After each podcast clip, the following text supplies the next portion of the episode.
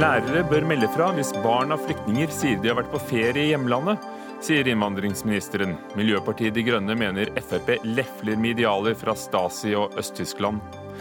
EU-ministeren fremstår mer som EUs mann til Norge enn omvendt, ifølge Senterpartiet, som går inn for å skrote hele ministerposten til høsten. Slagsvold Vedum møter selveste statsråden til debatt. Og den kommersielle tankegangen utvanner hele ideen bak pilegrimsvandring, sier en prest. Nasjonalt pilegrimssenter ser ikke noe galt i at folk tjener penger på vandrende pilegrimer.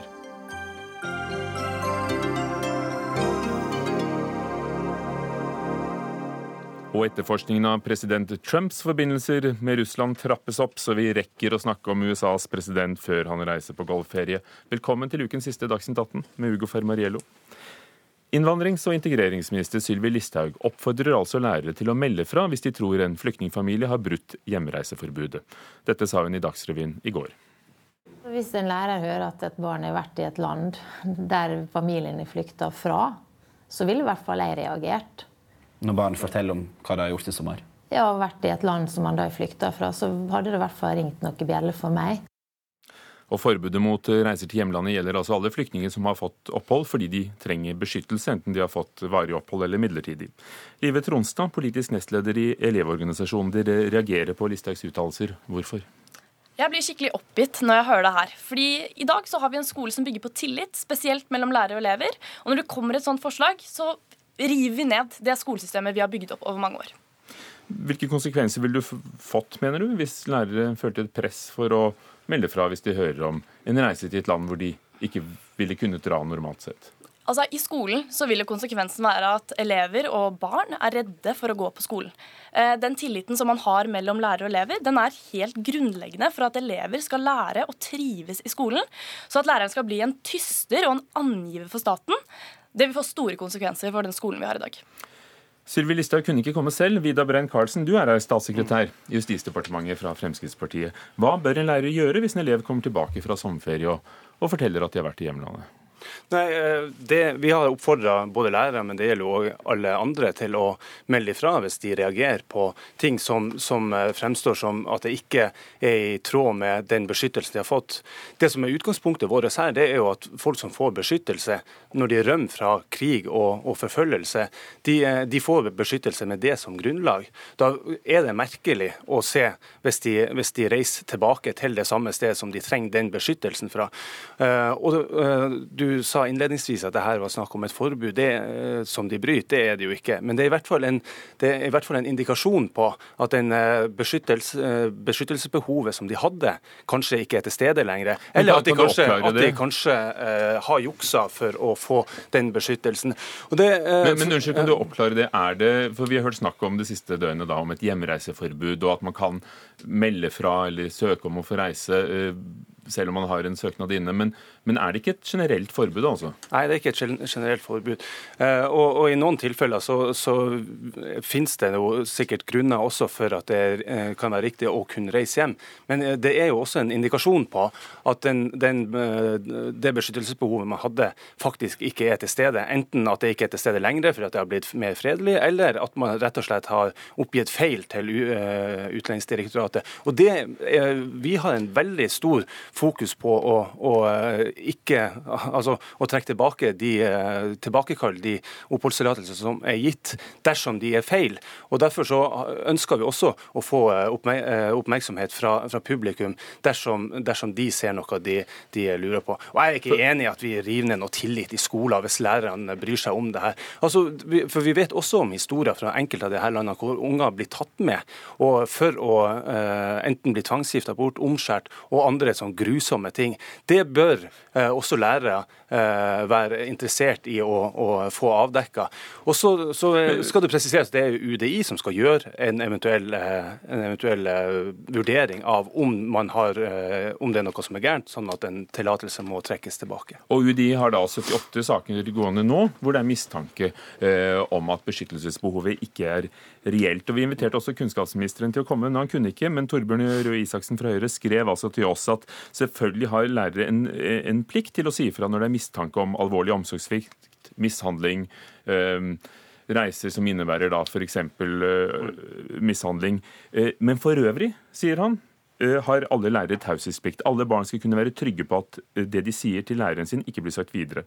Hvordan tolker du det, Livet Tronstad? Støtter han deg eller Frp? Han støtter definitivt oss, um, fordi det er det det gjelder.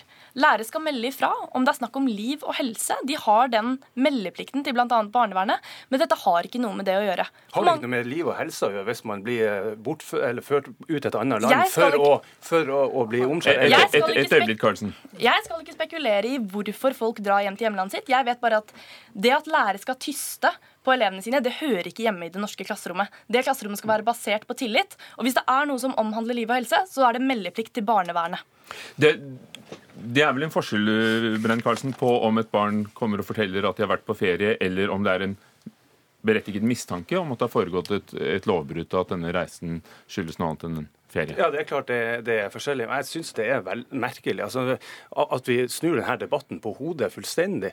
Altså, det er snakk om, klar, Hvis man får klare indikasjoner på at noen eh, har brutt de, de forutsetningene som ligger til grunn for beskyttelse, det, det er folk som sti, står i veien eventuelt for andre som har et reelt beskyttelsesbehov, og som vi har brukt mye ressurser på. Og så blir, blir eh, debatten, altså hoveddelen av debatten mer om, om, eh, om man skal si fra, og at vi ikke skal ha et tystersamfunn. Jeg synes at det er, på mange andre områder også, så melder man jo ifra når man ser uh, lovbrudd og lignende. Og da, da så hvorfor var det da nødvendig å gå ut med denne oppfordringen nå? For det vil da være naturlig uh, for folk hvis de ser noe de mener eh, ikke skulle forekomme å, å, å si ifra? Ja, og, og nå har innvandringsministeren også minnet de på at det er noe som vi vil sette pris på om, om de gjør. Fordi at vi, det her å tilbakekalle uriktige gitte tillatelser. Eller, ja, det, det, er noe som har stor, eh, stor prioritet hos, hos, oss. Une Bastholm, nasjonal talsperson i De Grønne. Dere har brukt sterke ord i dag. Du sier at Frp lefler med Stasi-tiden i DDR? Ja, jeg mener at her, i denne saken her, så har innvandring- og integreringsminister Listhaug gått langt over streken. Jeg mener hun misbruker sin posisjon med den statsrådsposisjonen hun har, til å drive en valgkamp for Frp basert på frykt. Eh, og, og frem, ja, fremmedfrykt og hat. Eh, når jeg sammenligner med DDR, så handler det om at totalitære regimer og diktaturer baserer sin eksistens grunnleggende på eh, på avlytting av angiveri. Det der var jo kjent for det. Man vet at Stasi hadde flere tusen angivere. Det er selvfølgelig å trekke det langt, men det er viktig at statssekretæren nå, altså statsråden, forstår at når en statsråd på beste sendetid oppfordrer folk til å drive og kikke hverandre over skuldra, istedenfor det som er den norske eh, praksisen eller måten vi lever sammen på i Norge, nettopp å ha tillit stort sett, eh, og la det være opp til myndighetene eh, å individuelt vurdere om folk forholder seg til loven eller ikke. Når man ber folk drive og kikke over skuldrene på den måten, så sier man samtidig at dette er et alvorlig samfunnsproblem, folkens. Dette er vi nødt til å rydde opp i. Alle sammen må stille opp, alle sammen må begynne å angi hverandre, og til og med følge med, ber Listhaug også om å gjøre. Og det at det i tillegg skjer mot en av eh, samfunnets mest marginaliserte grupper, flyktninger, i en rekke av utspill som Listhaug har drevet med i det siste etter å komme tilbake fra mammaperm, eh, hvor hun prøver å liksom framstille som La oss holde oss til dette utspillet som men, Karlsen er her for å diskutere. Det er en følge av flere utspill hvor hun får det til å se ut som at Norge nærmest er under innovasjon eller angrep av flyktninger, som altså er en veldig marginalisert gruppe, kanskje den gruppa som har minst rettigheter i Norge, og allerede sliter veldig med at det er mye fremmedfrykt retta mot dem. Er det myndighetene eller er det folk som skal avgjøre hvorvidt folk har et reelt beskyttelsesbehov? Ja, det sa jeg jo i sted også. Det er, det er UDI som skal gjøre det. Og, og UDI også er jo et system som, som, er basert på tillit. Vi tror, altså UDI tror på, som regel på, på folk, ikke sant? og de er ikke rigga opp heller for å, å gå, gå, rundt og, og sjekke alle uh, sammen hva de gjør. og Derfor så er det det tillitsbaserte systemet der er også avhengig av at vi får inn tips dersom det er noen som, som mener. Uh, og, og uh, Bastholm, jeg syns du har en fryktelig god fantasi i forhold til å, å tolke alle utspillene til Sylvi Listhaug. Det hun har sagt nå, det er at folk må gjerne følge med og, og melde ifra hvis de ser noen sånne, sånne, ting som kan stride mot de forutsetningene. Da kan det være at man har brutt utlendingsloven. Og, og at det er et samfunnsproblem, det er det.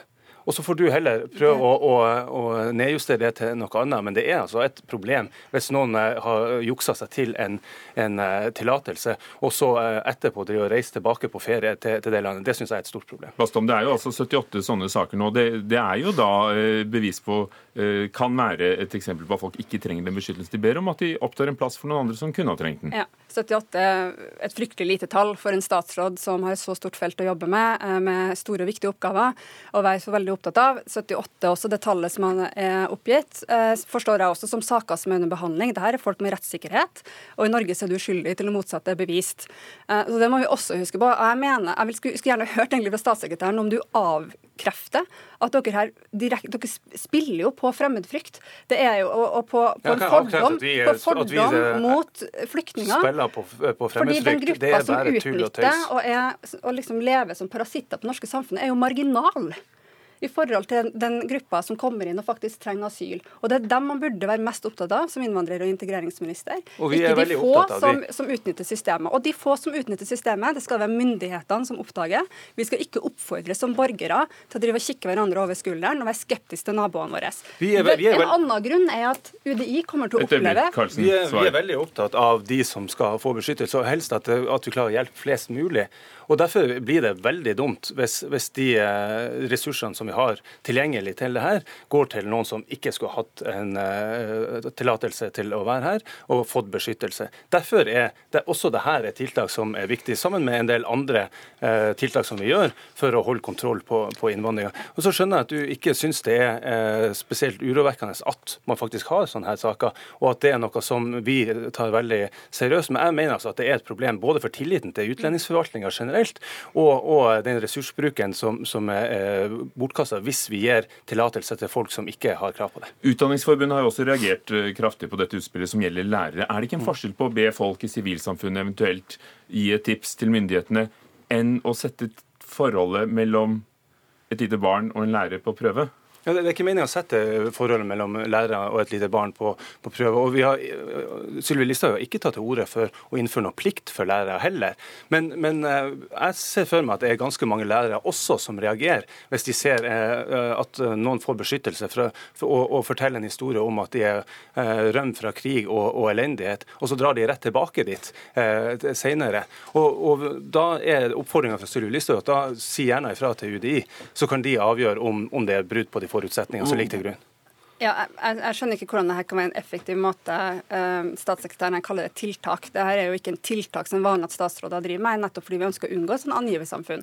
Vi har en veldig uh, fin tradisjon i Norge for at vi stort sett har tillit til hverandre, og at det er myndighetene, myndighetene sin oppgave uh, å forfølge det når man mener at noen Er det annerledes enn å melde fra mistanke om andre ulovligheter?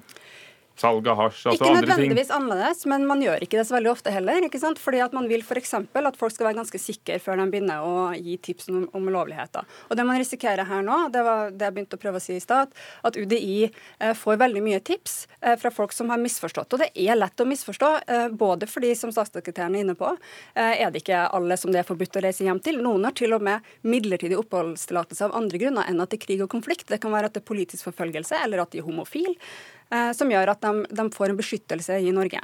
Eh, og Alt det her da skal måte, folk sette seg inn i og kunne, og de skal til og med vite den individuelle vurderinga til personen for å kunne vite om det er et lovbrudd. Det, det, er jo, det er jo UDI som skal gjøre den vurderinga. Det innvandrings- og integreringsministeren har sagt, er jo at hvis det er noen som tror det, at det har skjedd noe som ikke er riktig, at de da melder fra til UDI. Det er UDI som er faginstansen, og som myndighetene også skal gjøre den vurderinga. Live Tronstad i Elevorganisasjonen, det er jo bare som statssekretæren sier, det er jo bare en ord. Det er ikke forslag om å innføre noe plikt, endre noen lover. Tror du ikke at lærerne har den integriteten som trengs til å si fra når de mener at det er fare for liv og helse og omsorgssvikt, og ikke når de ikke mener det er grunnlag for det? Det har ikke noe å si, for dette er ulovlig. Det er hjemlet i opplæringsloven at skolen skal møte elevene med tillit. Men hvorfor frykter du dette utspillet når det ikke er snakk om noen regelendring eller lovendringer? Fordi skolen er bygd på tillit, sånn som vi snakket om. Det er mange barn, spesielt de i denne marginale gruppen som vi snakket om, som trenger læreren å snakke med fordi de ikke har noen å snakke med hjemme. Eh, så Derfor så kan vi ikke gå ut med dette her. Og det står i opplæringslova at skole, dette har ikke noe med skolen sitt mandat å gjøre. Og det står også at skolen skal møte elevene med tillit i formålsparagrafen vår, paragraf 1-1 i opplæringslova. Hvorfor bare en oppfordring? Hvorfor ikke da en regelendring hvis de mener at det er viktig? Ja, det, det, er jo ikke uh, hver enkelt som skal gjøre de vurderingene om det har foregått noen uregelmessigheter eller ikke. Det er det UDI som skal gjøre. Men uh, UDI vil kunne få veldig verdifulle uh, tips ved denne oppfordringa, og det er det som har vært meninga. Jeg tror vi setter punktum der. Takk skal dere ha. Vidar Brein Karlsen, statssekretær i Justisdepartementet. Une Bastholm, talsperson for De Grønne, og Live Tronstad, politisk nestleder i Elevorganisasjonen. Dagsnytt 18 alle hverdager kl 18.00 på NRK P2 og NRK2.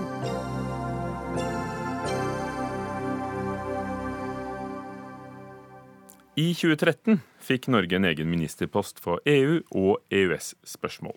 På folkemunne europaminister.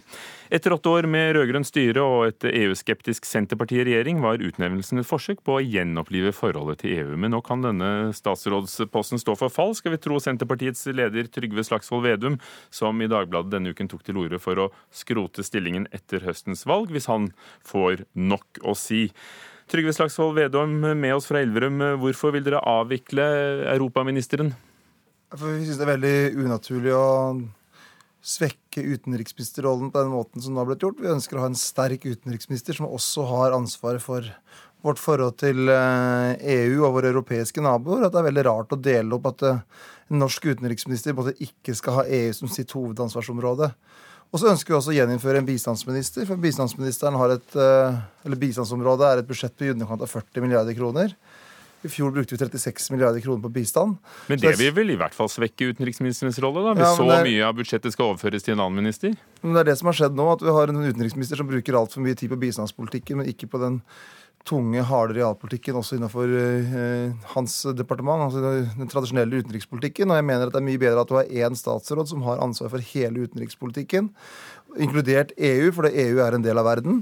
Og så har du en bistandsminister som har ansvar for bistandspolitikken. Det er den måten vi har organisert det tidligere på, og det er klokt, ikke minst når vi ser hvor store penger som går gjennom bistandspolitikken, så er det viktig å ha en egen person som har det ansvaret. Og så bør vi da ikke ha sånn en sånn uh, todeling der vi har en EU-minister og en utenriksminister som skaper uklarhet hvem som egentlig skal ha ansvaret til slutt. Frank Bakke-Jensen, det er du som er EØS- og EU-minister fra Høyre. Er du redd for at eh, stillingen din blir rasjonalisert bort? Nei da. For det første så har ikke jeg noen planer om at eh, valgresultatet skal bli sånn at Vedum skal sette med noe regjeringskabal til, eh, til, høsten. Det er det ene. Det andre er at dette er jo et forsøk fra, fra, Senterpartiet på å avspore den viktige debatten. og Det er jo hvilke resultater vi har på, på europapolitikken vår. EØS-ministeren det er, et, det er en post vi, vi bruker for at vi vil drive en aktiv europapolitikk. Vi vil være nært på de viktigste samarbeidspartnerne våre. Og det viser seg jo også at når vi organiserer det sånn, så klarer vi også å skape bedre resultater enn det de rød-grønne klarte med sin organisering. Men Vedum påstår at det er uklart hvordan dere fordeler det dere imellom, utenriksministeren og, deg? Ja, jeg registrerer det. Det er jo også, det er også et, merkelig, et, merkelig, statement at bistandspolitikk ikke er utenrikspolitikk. Det, det Resonnementet til Vedum henger ikke i hop her heller. Eh, det er ikke uklart i det hele tatt hva som er, hva som er oppgaven eh, og porteføljen min. Det er arbeidet med EØS og arbeidet med EU Eh, relevante spørsmål. Det er i aller høyeste grad eh, enkelt å plukke på de tingene. Det andre som er veldig bra med den ministerposten, det er at vi når vi møter europeiske land, gjerne møter statsråder med tittelen europaminister med en lignende portefølje. Sånn at Det er ikke så veldig uklart i forhold til, til, det å drive aktiv europapolitikk. Det går helt fint med den statsrådsposten jeg har. Er det det Trygve Slagsvold Vedum som stikker under, at eh, det er europapolitikken til regjeringen du er eh, misfornøyd med? Eh, det er jo en kjent sak at EØS-avtalen vil du gjerne gjøre noe med. Ja, så det er ingen tvil om at den norske EU-ministeren har blitt opplevd som en minister for EU inn i Norge istedenfor Norges minister inn i EU. Hvem har opplevd det? Ja, også, Vi har opplevd i den norske debatten hvordan dagens regjering er hele nesegrus i beundring for alt som kommer fra Brussel, og kanskje var de som var mest bekymra av alle i hele Europa når eh, Storbritannia valgte å gå ut av EU, eller har tatt et brexit, og at Erna Solberg har vært en veldig aktiv aktør i debatten for at Storbritannia skulle være en del av EU. Så det, Der er det politiske uenigheter. Men vi er opptatt av å ha en sterk utenriksminister og mener det er kunstig å skille ut EU som en egen del, for det er en viktig del av verden, selvfølgelig, av EU. Og så mener jeg det er naturlig å ha en sterk bistandsminister som har ansvar for den store porteføljen det er. At det er en mye klokere inndeling. At vi har en som har ansvar for bistand. Det er en viktig del av, vårt, av vår politikk. Vi mener det er riktig at Norge bruker penger på bistand. Men at vi også bør ha en sterk utenriksminister, og at det ikke gjør jobben bedre at du har én EU-minister og én utenriksminister med litt uklare ansvarsforhold. Og at man har hatt en EU-politikk fra dagens regjering som er helt nesegrus for alt som kommer fra Brussel. Og litt sånn sørgmodig fra Høyre side at vi ikke er fullverdige EU-medlemmer, som er deres langsiktige mål. Ja, Dere er jo det eneste partiet igjen Frank Bakke-Jensen, som har EU-medlemskap som mål. Er du nesegrus beundrende for EU, er du, er du egentlig EUs mann utsendt til oss, slik Vedum sier? Ja, nei da, det, det, er også en avsporing. Jeg har veldig, jeg har veldig respekt for, for, EU. Jeg har særlig respekt for EU når, når Europa står overfor for vanskelige tider. De gjør en veldig god jobb. Men det som, det som fordekkes her, det er jo faktisk så Det går ikke an å si at man, man savner en sterk utenriksminister. Børge Brende som utenriksminister har jo har, har vist til resultater som, som de rød-grønne overhodet ikke klarte å vise til. Vi har en sterk utenrikspolitikk, vi har en tydelig utenrikspolitikk, og det viser seg jo i gode resultater både overfor USA, overfor Russland og overfor Kina. Blant annet. Så har vi en sterk europapolitikk som gjør at der de rød-grønne måtte uh, ikke, altså, ikke forsto EU, der vi som Vedum som skal være distriktenes mann, jeg kommer fra Båtsfjord i Finnmark. Differensiert arbeidsgiveravgift er et eksempel på at man, hvis man tar EU på alvor og jobber aktivt mot EU, så klarer man å få gode resultater for Norge. Det, der seiler de rød-grønne. Vi har klart å rette det opp. Og vi har mange andre eksempel der vi kan vise til at hvis vi bare er nært på samarbeidspartnerne våre, tar EU på alvor som et demokrati, som et samarbeid mellom flere land, vel, så kan også Norge posisjonere seg og ivareta norske interesser på en god måte. Og det er nok det som... Så, så, så sier du at også, selv om, nå, nå, tror ikke du at det vil skje, men selv om Vedum kanskje skulle komme i en posisjon og kunne sitte i regjering, så, så bør de også holde seg med en EU- og EØS-minister? Jeg mener at man skal ta de nærmeste samarbeidslandene våre så på alvor at man har en statsrådpost som er dedikert til det. Det viser seg jo at vi, gjør, vi får veldig gode resultater. Vi ivaretar norske interesser på en bedre måte når vi har en, norsk, en statsråd som har EU, EØS feltet som, som er dedikert portefølje. Vedum, hvis jeg får avbryte litt her. Ikke de gode resultatene, vi har dem. Vedum, dere vil jo allerede til neste år i, i deres budsjett redusere EØS-midlene med 1,2 milliarder kroner. Men nå sier jo Arbeiderpartiet, som dere ønsker å regjere med, at det kommer ikke på tale å rokke ved EØS-avtalen som ligger der nå. Så, så tror du at det vil skje? Altså, vi, vi, vet at det kommer til å skje at vi får en mye mer aktiv uh, politikk for å stå for norske interesser. Jeg gjorde det når jeg sjøl var statsråd når det gjaldt tollvern for å sikre norsk næringsmiddelindustri. Men er det ikke da, da nettopp da, smart, da, er det ikke da nettopp smart å, å, ha en egen minister for det? Nei, du må ha en sterk utenriksminister og en sterk regjering. Og når Frank Bakke-Jensen kalte det vi gjorde da, at nordmenn ble sett på som rike, fete og proteksjonistiske når vi styrka tollvernet i 2013. Det var Frank Bakke-Jensen sin holdning da. Og det viser også hvordan Høyre tenker når vi står for norsk industri. At man da betegner alle nordmenn som rike, fete og proteksjonistiske, som Frank Bakke-Jensen gjorde. Og det er ikke riktig det at den differensierte arbeidsavgiften har blitt noe bedre nå etter at uh, dagens regjering kom. Den har blitt dårligere, for de har gjort konsesjoner. Når det gjelder kontingenten til EØS-medlemskapet, så har den økt med 11% Så dagens regjering har vært veldig forsiktig, veldig lojal og vært en av EUs aller største forsvarere, istedenfor å stille kritiske spørsmål og stått for våre nasjonale interesser og stått for vårt folkestyre. Men, men det spørsmålet hadde i starten der, et øyeblikk, Bakke-Jensen. Jeg vil bare øh, uteske Vedum litt. Er det sånn at du tror at vi kan komme ut av den EØS-avtalen vi har, før den går ut? Altså, Vi har sagt at vi ønsker å ha en egen utredning, en norsk offentlig utredning om hva som skjer ved et brexit. Se hvilke utfordringer og muligheter det gir for Norge. For klart, Det gir både utfordringer og muligheter. Når eh, vårt største eksportmarked går ut av Den europeiske union, så må vi jo se på mulighetene også, ikke bare utfordringene. Og Det var problemet med dagens regjering, at de bare har sett på problemene og svartmalt mest mulig, istedenfor hvilke muligheter gir det oss i vår fiskeriforvaltning Eh, når f.eks. Storbritannia går ut, hvordan gir det mulighet for nye handelsavtaler? Kan vi styrke vår eh, folkevalgte makt i Norge på bekostning av den byråkratimakta vi ser i Brussel? Bakke Jensen. Det er ikke riktig, Vedum. Du har altså faktisk sagt at dere skulle melde Norge ut av EØS-avtalen. Er etterlyst et alternativ. Det, når du nå kommer med et, uh, utspill om en utredning, så er det jo for at du ikke er i stand til å beskrive et alternativ til EØS-samarbeidet. Vi har gjennom det tette samarbeidet vi har med EU, gjennom EØS-avtalen, vist at vi klarer å posisjonere oss i en sånn vanskelig sak som brexit. Vi klarer altså å posisjonere oss sammen med EU, og vi har god kontakt med Storbritannia for at de er interessert i kompetansen vår på å være et annerledes land i forhold til det å være eh, medlemsland. Vi, vi, vi står veldig godt i begge leirene med den kompetansen vi har, med den statsrådposten vi har, som er dedikert til et nært, tett samarbeid med de nærmeste samarbeidslandene våre. Det at du skal ha en utredning, vel, vi vet veldig mye om hva, hva, vi har. Vi posisjonerer oss sånn at vi står klar til å utnytte de, norske, de mulighetene som kommer, og forsvare norske interesser også i forhold til brexit. Da er det faktisk viktig å ha et nettverk og en gjenkjennelig politisk stemme i EU. Og det var, er din EU- og EØS-minister Frank Bakke-Jensen. Jeg håper dere har valgt deres ord med omhu, for det var de siste dere fikk sagt i denne debatten. Takk til deg, og takk til deg, leder i Senterpartiet, Trygve Slagsvold Vedum med fra Elverum.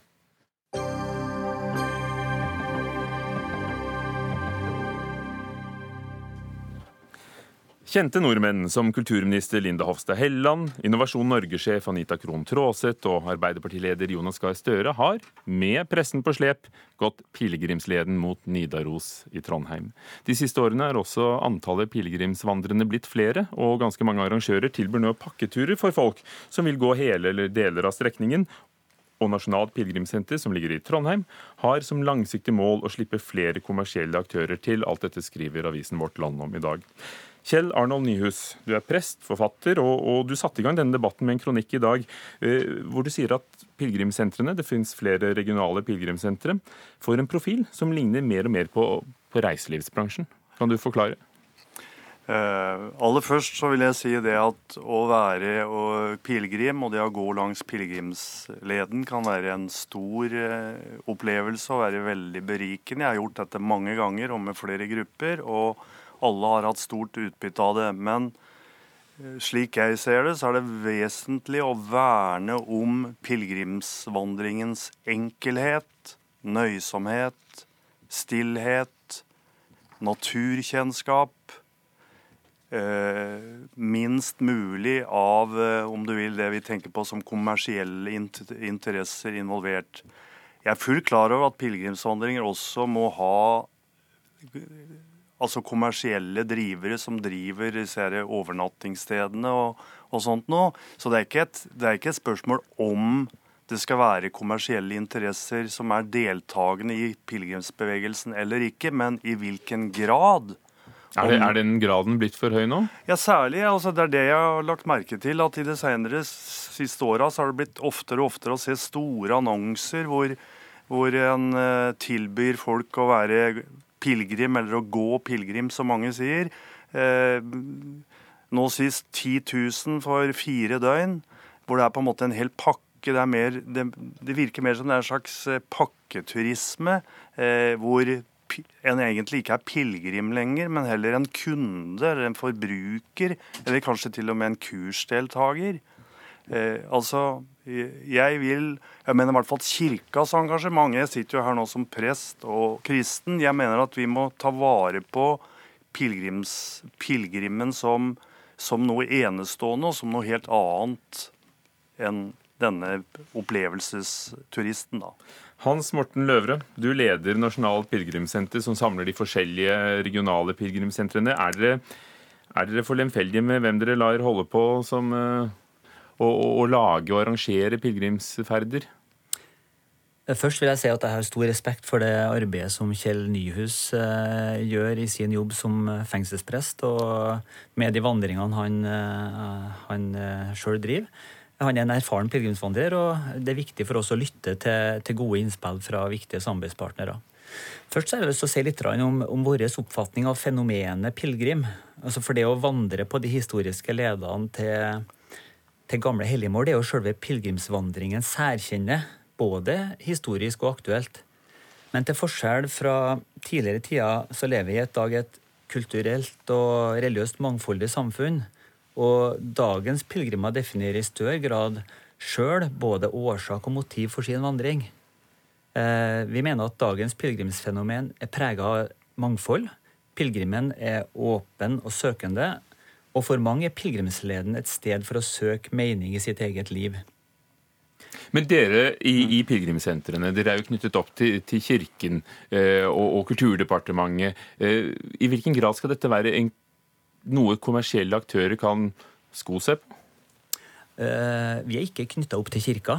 Altså, vi har et oppdrag etter en statlig strategi fra 2012. Og Vår jobb er å, å koordinere og lede den nasjonale satsinga. I våres, eller i, i Så det er reiselivssatsing, altså? Nei, la meg fullføre nå. Vi okay. har en strategi hvor vi skal ivareta viktige perspektiver innenfor kirke, kultur, næring og miljø. Altså det er fire søyler å bygge satsinga på, hvor alle sammen griper inn i hverandre, og hvor vi trenger eh, et samspill her for å kunne ha et komplett eh, tilbud til det brede spekteret av eh, pilegrimer. Kjell Njus, går det ikke an å være like søkende og åpen og, og, og, religiøs, selv om du betaler mer og ønsker en varmere dyne og et bedre måltid og noen foredrag på veien? Må du tømme sjelen? Kan du ikke like gjerne ha lyst til å fylle den? Det er altså mulig å være pilegrim på mange ulike måter, for all del. Eh, Mitt anliggende når jeg først skrev dette, her, så var det faktisk mitt første anliggende var egentlig å si noe helt konkret og praktisk om pilegrimsleden. Nemlig at eh, jeg syns den er for dårlig merka.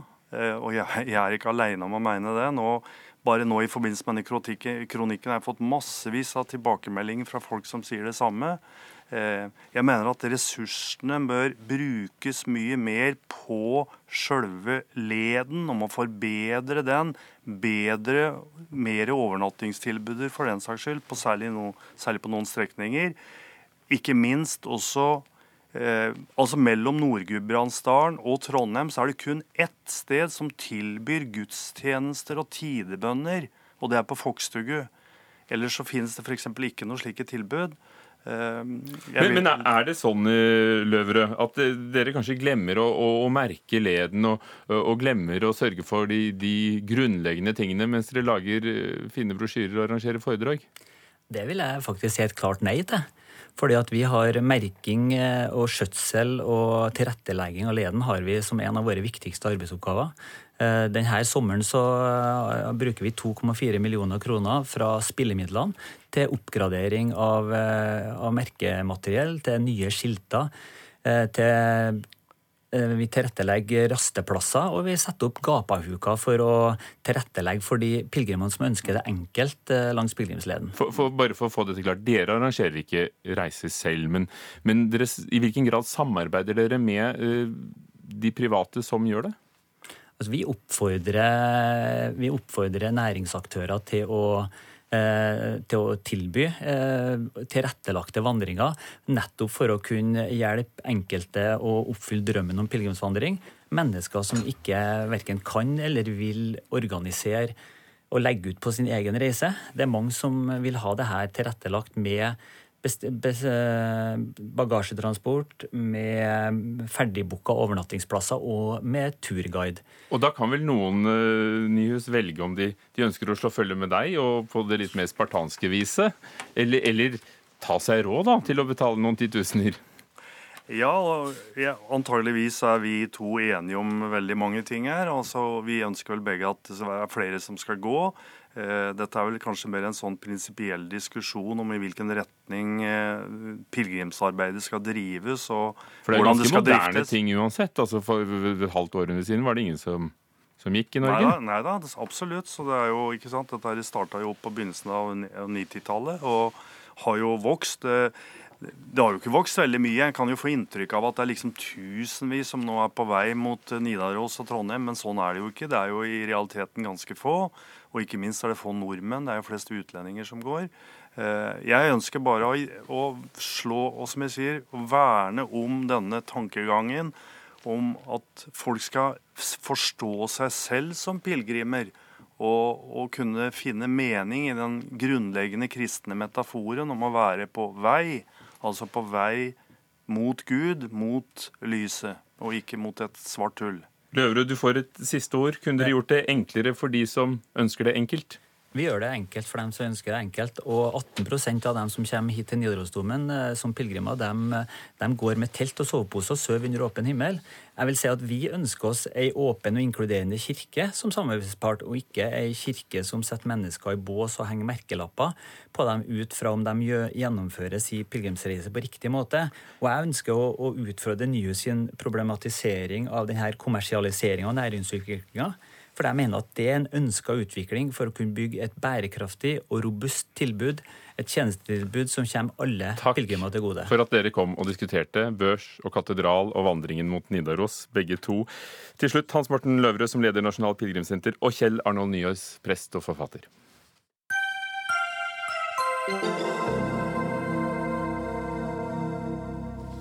Til USA. Spesialetterforsker eh, Robert Müller har oppnevnt en storjury som eh, del av Russland-etterforskningen, melder flere amerikanske aviser. Juryutnevnelsen eh, ses på som et tegn på at denne etterforskningen er i ferd med å skyte fart, og presidenten Donald Trump kaller påstanden om russisk innblanding i presidentvalget for ren oppdiktning etter at det ble kjent at denne juryen er oppnevnt. Tove Bjørgaas, vår korrespondent, du er på plass i USA, men denne gangen i San Francisco.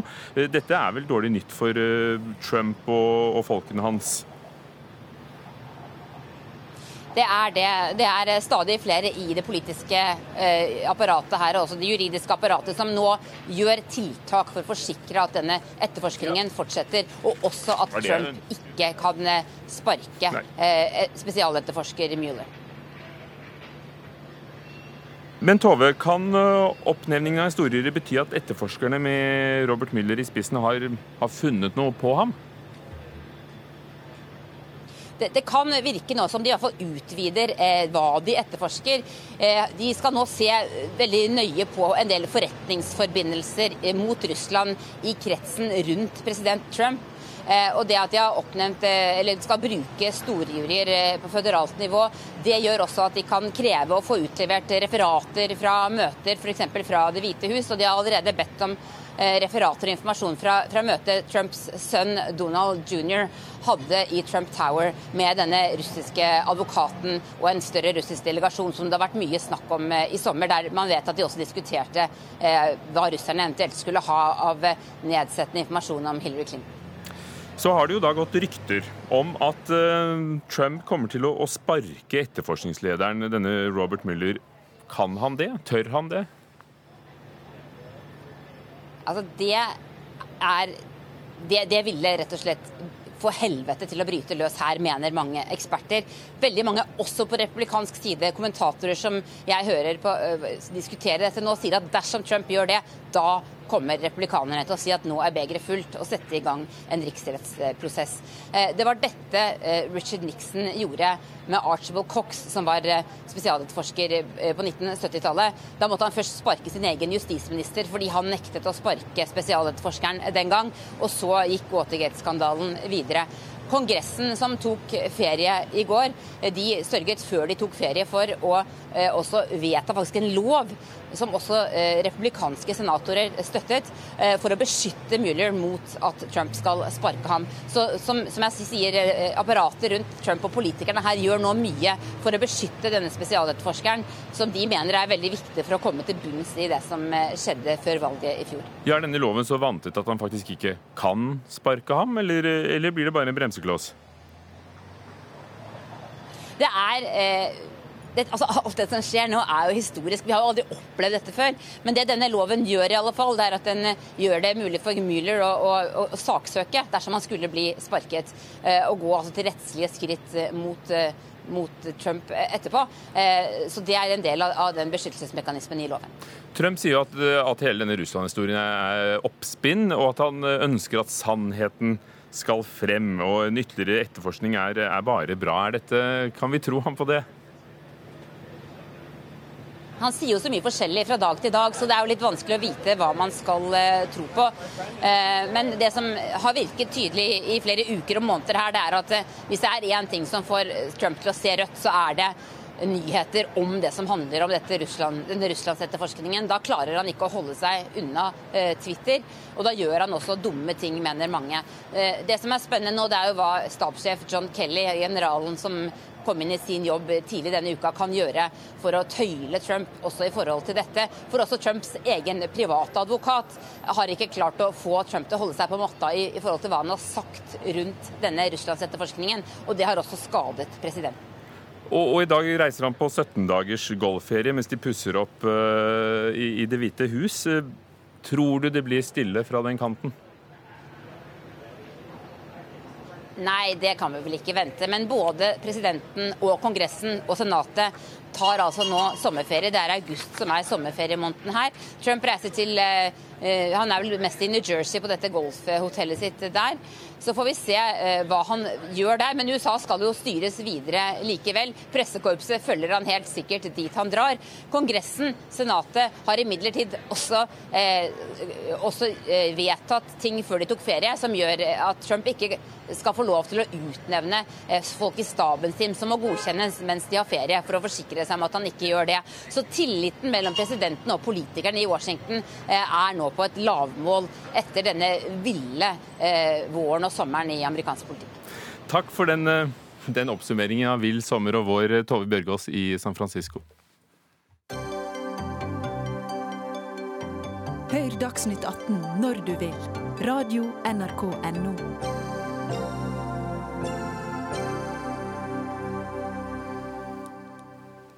Hvis Arbeiderpartiet kommer i regjering til høsten, vil de åpne for en ny og tilsynelatende ganske omfattende helsereform. Det sier partiets helsepolitiske talsmann Torgeir Micaelsen til Dagens Næringsliv i dag. Og det står som et lite punkt i partiprogrammet også.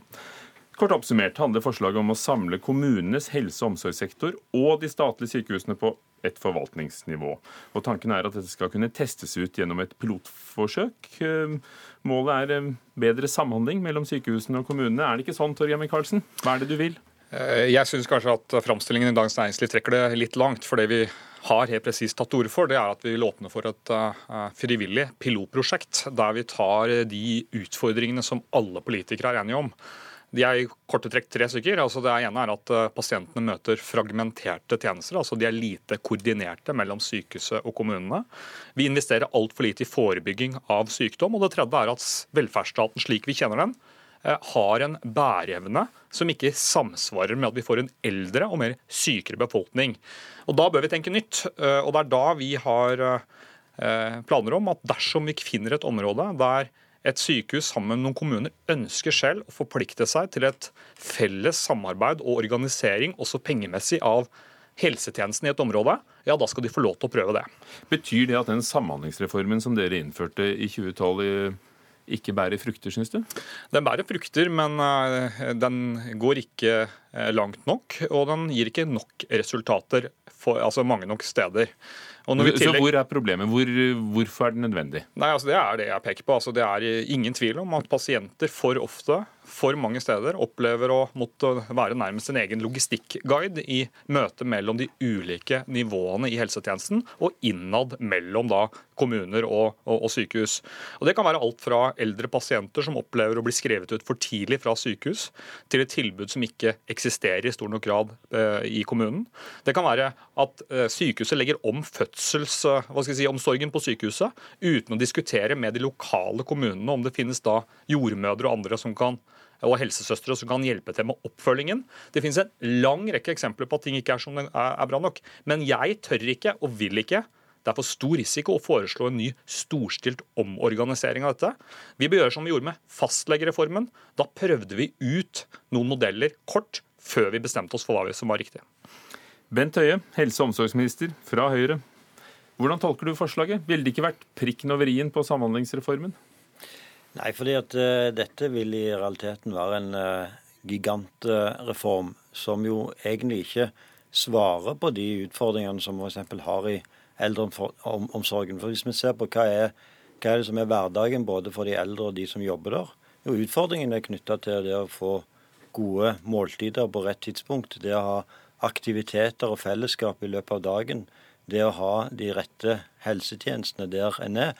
Denne reformen vil jo føre til at en bruker masse tid, masse ressurser, på å gjøre det som eh, ofte politikere gjør når de ikke har gode løsninger.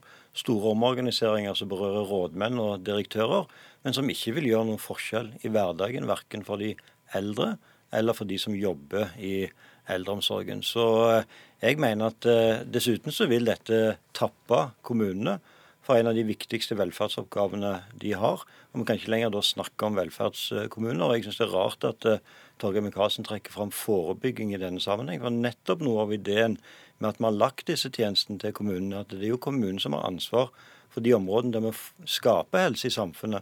De har ansvar for skolen, for barnehagene, for kulturtilbudene. Det er jo der helsen skapes. I helsetjenesten der reparerer en uhelse, og hvis ansvaret for å reparere skadene flyttes til staten, men der helsen skapes ligger i kommunene, ja da gjør vi det motsatte av å drive et forebyggende helsearbeid. For, for oppklart, Vil dere frata kommunene oppgavene? Nei. Selvfølgelig, Hvem skulle ellers gjennomføre disse oppgavene? Vi har jo ikke tenkt å finne på en ny enhet med noen helt nye ansatte. Men det høres jo ut som en slags ny enhet, som Nei, hvis det skal være en felles pott penger å, fordele mellom da kommune og statlige aktører. Men det, det lovverket vi har i dag, som helseministeren og hans parti Høyre selv styrer på, heter altså Samhandlingsreformen. Og der er det allerede, som dere innførte? Som vi innførte. Eh, som gir effekter, men ikke gode nok effekter. Og Vi vil nå ta det et skritt videre og se om det er mulig å eh, få mer freds på dette arbeidet. Der er det jo helt klart at det er kommunene som har ansvar for det som Høie nå beskriver. Men det står også at man har plikt og rett til å lage samarbeidsavtaler med sykehuset, som også til dels noen steder fungerer. Fordi disse eh, si, aktørene da, de påvirker hverandre gjensidig. Hvis de ikke fungerer på det lokale sykehuset, så fungerer det også dårlig i kommunene. Og på sykehuset har de store problemer hvis det ikke forebygges nok. Derfor, jeg mener at eh, man kan nå velge å si at, som regjeringen, da, ta vekk en del av de viktige elementene som var i Samhandlingsreformen, og si at nå er det måltidene og det er andre ting som vi er helt enig i, som er det eneste svaret for framtiden. Vi mener ikke det. Vi mener at her må det kraftigere lut til, og da vil du gjøre det på en forsiktig, ansvarlig måte ved å etablere et forpliktende samarbeid mellom kommuner og et sykehus. Okay. Men, men, ja. Men nesten nødt til å få en avklaring. fordi Jeg har jo lest eh, Dagens Næringsliv. Jeg har blitt intervjua av Dagens Næringsliv. Måtte til og med ringe opp igjen for å få dem til å sjekke opp med deg om du faktisk hadde sett, sagt det du sa. Og Det du sa, det var at dere skulle organisere tjenesten under en felles ledelse med felles budsjett. Og Det skulle ikke da være kommunen som har dette ansvaret. For jeg regner ikke med at du har tenkt å overføre f.eks. Eh, Stavanger universitetssykehus til Stavanger kommune. Sånn at eh, det, nei, det har jeg ikke tenkt til. Så, så det, hvorfor du bruker det eksempelet er litt rart. Ja, så det betyr at Hvis du skal ha det under felles ledelse og felles budsjett, så må du jo ut av kommunen. Så hvis vi skal helt tatt ha den diskusjonen, så må vi nesten få en avklaring. Står du inne for det som du er sitert på i Dagens Næringsliv, eller gjør du det ikke? Jeg mener at det har vært veldig spennende at vi kunne fått til et likeverdig, eh, felles, hva skal vi si, organisert Eh, helsetjenestetilbud i et område der både kommunene vil og et sykehus vil. Og På alle mine reiser i kommunene og i sykehusene så går det igjen overalt at de har et problem med å samordne seg. Dette er ikke svaret på alt det. Men, det er, eh, men i motsetning men, til Høie okay. ja, men, det, men, dette er et viktig premiss for å avklare det. Det blir ikke noe nytt forvaltningsnivå. Kommunene skal fortsatt drive med det de gjør. Men det er mulig, kommunene... og mange vil ha mulighet til å samordne seg på en helt annen måte enn i dag. Dette, ikke et nytt forvaltningsnivå, sier han, men et samarbeid mellom sykehus ja, og kommuner. Ja, altså helseregionene og foretakene Kjempebra. Det har vi allerede. Vi har forpliktende samarbeidsavtaler. Som du mener fungerer utmerket? Ja, Nei, som stadig kan bli bedre. Men jeg klarer ikke å forstå nå hva er det egentlig du foreslår. Du har sagt det skal under felles ledelse med felles budsjett. Hva betyr det? Det kan f.eks. bety at uh, i en, et område der man ser at man f.eks. har problemer, f.eks. innenfor fødsel, da, at det vil være i en periode lurt å bygge opp tilbudet i en kommune, akkurat som er hensikten i hele Samhandlingsreformen, ja, men... på bekostningen av, av, det som skal skje på sykehus. At de sammen blir enige om at nå er det her i okay, dette området Det var ett eksempel. Hold an. Kjersti Toppe, du sitter i, i, Bergen og har lyttet og er medlem av helse- og omsorgskomiteen fra Senterpartiet og er, som vi alltid nevner, selv lege, så du har en viss innsikt i disse tingene. Um, hva synes dere om Arbeiderpartiets forslag? For dette, det spennende er jo det, det partiet dere gjerne ønsker å sitte i regjering med. Mm. Jeg syns det var et eh, oppsiktsvekkende forslag. Jeg er jo enig i utfordringsbildet med at en eh, må ha et bedre samarbeid, og at en må sikre mer penger til forebygging. Eh, men dette er jo en løsning som ikke vil bidra til dette. Og jeg syns òg det er en ansvarsfraskrivelse oppi hele denne diskusjonen. For hvis en tar eksempelet om fødetilbudet, at, at en korter ned liggetida på på sykehusene uten at kommunene har fått sjanse til å bygge opp. Så er jo det et politisk ansvar. Det er jo vi som sitter og fordeler midler mellom sykehus og kommuner. Det er vi som kan sette krav til sykehusene om at sånn ikke kan skje. Og jeg syns det er for tidlig å avskrive Samhandlingsreformen. Eh, det som er galt med den, er jo at den ikke har gjort nok politisk for å følge den opp. Det viser jo òg Riksrevisjonene sine rapporter om at kommunene ja, de har overtatt eh, pasientene, men de har ikke fått økt verken årsverk eller kompetanse eh, i, i, i like stor grad, eller mange ikke i det hele tatt. Så her er det iallfall helt andre løsninger. Jeg frykter at det som Arbeiderpartiet åpner opp for, er en statliggjøring ut av helse- og omsorgstjenestene i kommunene. Det vil føre til mer byråkrati. Og de som har ansvaret for det lokale helsetilbudet, de vil bli noen som ingen kjenner til. Altså det blir òg en, en, en, svekkelse av eh, lokaldemokratiet og velferdskommunen. Og her er jeg faktisk eh, veldig på linje med, med helseministeren. For her eh, Michaelsen, er det jo sånn at når det gjelder det statlige, så er det dere på Stortinget som er politikerne over dem. Og når det gjelder kommunen, så er det jo da kommunen kommunene. Mister ikke de som bor, innbyggerne i en kommune styringen med de kommunale tjenestene? Var ikke det hele poenget, at de kunne få bestemme mer? Eh, selvfølgelig skal de fortsatt få bestemme det. Eh, og igjen, dette er et frivillig prøveprosjekt. Eh, hvis noen vil være med på dette, så sier jeg at dette hadde vært veldig bra testet ut. På samme måte som de har prøvd dette ut i andre land. Norske politikere og fagfolk har i mange år valfartet til både et selskap som heter Kaisers, Kaiser Permanente, som tilbyr integrerte helsetjenester, som jeg snakker om, Eh, for mange millioner amerikanere. Og de reiser til Valencia-regionen, noe som heter Ribera Salu, som er organisert litt i samme gata som jeg nå beskriver. Hvorfor gjør de det? Jo, for de ser at ting henger mye tettere sammen enn som så. Men, det, er ikke, men det er ikke snakk om å sitte stille og lene seg tilbake og si at nå fungerer det så bra at vi ikke skal prøve ut noe annet engang. Høye, eh, frivillig prøveordning. Og I 2016 så, så, så publiserte Helsetilsynet en rapport som viste at, at, det er ikke alltid at flyten av informasjon er perfekt når en pasient går fra staten, sykehusene, øh, til kommunen. Frivillig prøveprosjekt, gir du fra deg noe kontroll der? Nei, altså Jeg er veldig for at kommunene og sykehusene skal samarbeide bedre. Det er også en av grunnen til at dette ligger som en veldig klar føring i den nasjonale helse- og sykehusplanen mot kommunene. Og nettopp at vi nå har innført som et krav at f.eks. hvis et sykehus planlegger endringer i fødetilbud, som Torgeir Micaelsen trekker fram som et eksempel, så skal en gjøre det i samarbeid med kommunen. Men det er jo noe helt annet Torgeir Micaelsen foreslår. Han sier at vi skal gjøre som vi gjorde med fastlegereformen. Først skal vi ha pilot, og så skal vi gjennomføre. Og Det er ikke noen annen konklusjon på det Torgeir Micaelsen her sier, enn at en skal statliggjøre de kommunale helse- og omsorgstjenestene. Og det er jeg imot, fordi det løser ikke det som er problemene for de som mottar tjenestene, og de som jobber i tjenestene. Det er omorganisering for oss politikere, men som ikke har konsekvenser men, men, for de som har behov for tjenestene. Men Høie, tror du virkelig i all anstendighet at jeg hadde uttrykt meg slik jeg gjorde både i går til Dagens Næringsliv og i dag, hvis jeg hadde tenkt å gjennomføre en gigantreform nå de neste årene? Da hadde jeg jo sagt nettopp det. Og det spørsmålet får henge i luften. Takk, Torgeir Micaelsen fra Arbeiderpartiet, Bent Høie, helse- og omsorgsminister, og Kjersti Toppe fra Senterpartiet.